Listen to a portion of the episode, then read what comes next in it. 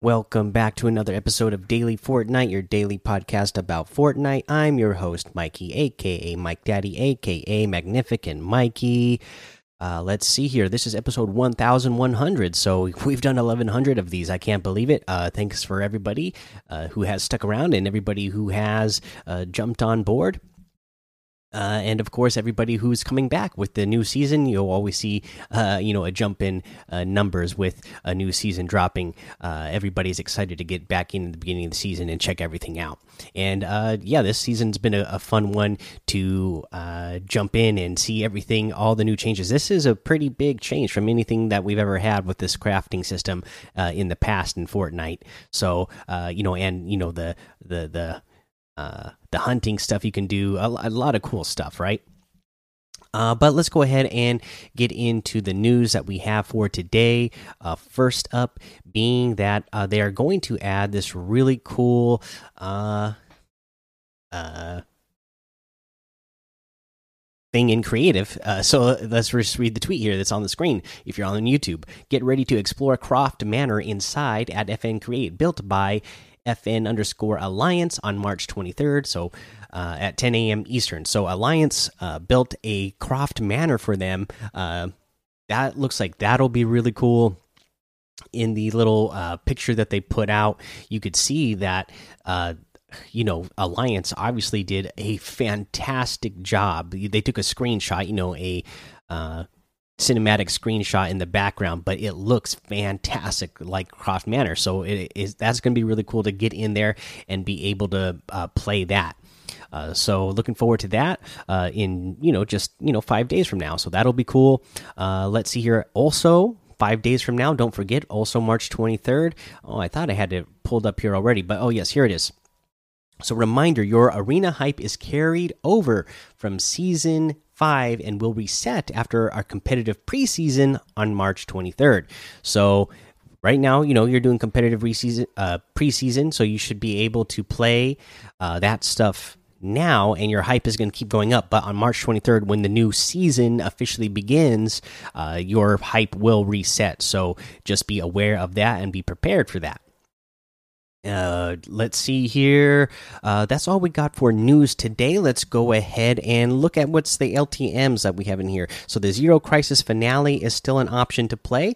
Uh, we have the 200 level default Death Run for the community creation highlight and Team Rumble. Uh, it looks like it's just normal Team Rumble for uh, for now no special solid gold or unvaulted or anything just normal team rumble. So that's always a, a good classic one to get back to to uh, get challenges done. Uh, and speaking of challenges let's actually talk about the challenges that we got to do uh, this week. Uh, so first up uh, the one that we need to get to is to craft items. This is fairly easy to do right? But you need to know good some good places to land to get yourself some uh, bones or metal pieces. Now, uh, what I have heard from the Discord uh, from players who have got to play more than me so far is to land over, uh, oops, uh, over in the the the junkyard area because you'll get lots of metal there. I've heard that uh, Cape Cod down here, you know, actually has a ton of cars down here that you can get metal from.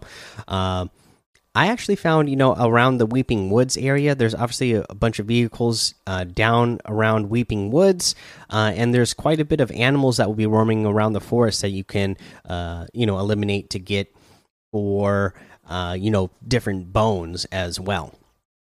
So I would check out those places, uh, you know, to get the most uh, items. I'm sure there's some more, and I'm sure uh, as we go along, more people will find all the cool spots to tell me about. Uh, but those those are the big places I would go right now uh, on on suggestions on where to land. Oh, you know what? And uh, also, of course, never forget you can always land at the orchard. There's uh, you know there's some tractors and cars around this area that uh, you know I always like landing in that spot, anyways.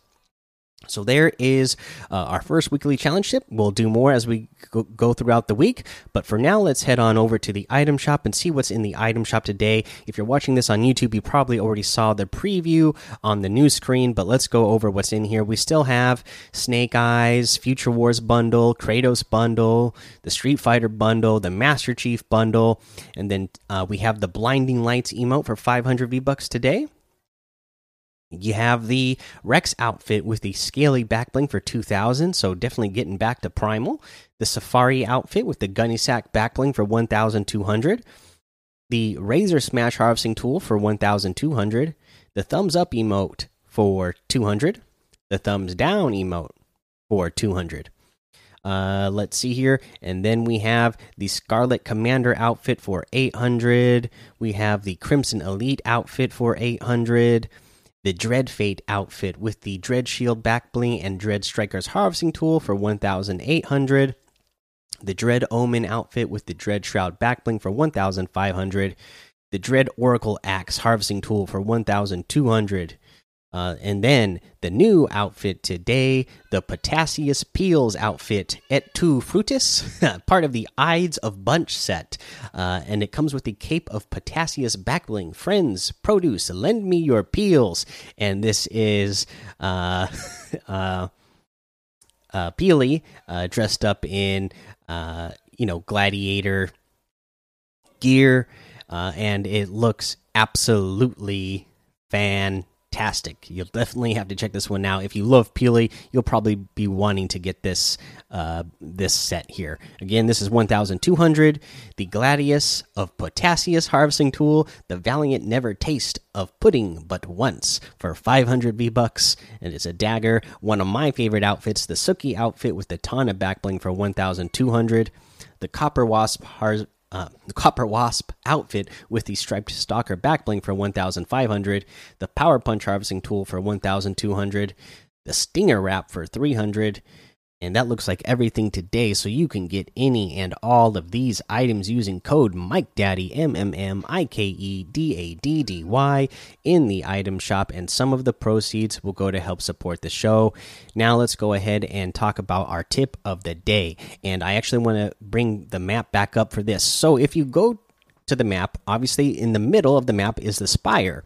And when the Spire did its big last reality wave in the video, you know, there was a whole bunch of the map that was changed into uh, this primal area, right? And it's all like the uh, orangish brown color. If you go to the end of each, there's six ends of this or six points that the spire reaches out to uh, throughout the map. If you go to the ends of each of those, at the ends of those, there are uh, at each one there are there's like this launching device. I don't know if it has a name, but at each of them there's like a tower that has a launching device on top of it that actually sends you pretty far and you can glider redeploy once you launch off of it so you can travel really far really fast uh, this season with that uh, so check that out. If you uh, jump on one of those while you're holding a chicken, you're gonna fly really far because the chicken helps you float higher and longer and move and uh, you know go back down to the ground slower. So you go really far if you're holding on to a chicken when you uh, launch off one of these uh, launching areas at the ends uh at the of those six points in the primal areas. So again check that out. Really cool. Thanks for checking out the episode today. Make sure you go join the daily fortnite podcast and hang out with us. Follow me over on twitch twitter and youtube. It's mike daddy on all of those. Head over to apple podcasts leave a five star rating and a written review for a shout out on the show. Until next time have fun be safe and don't get lost in the storm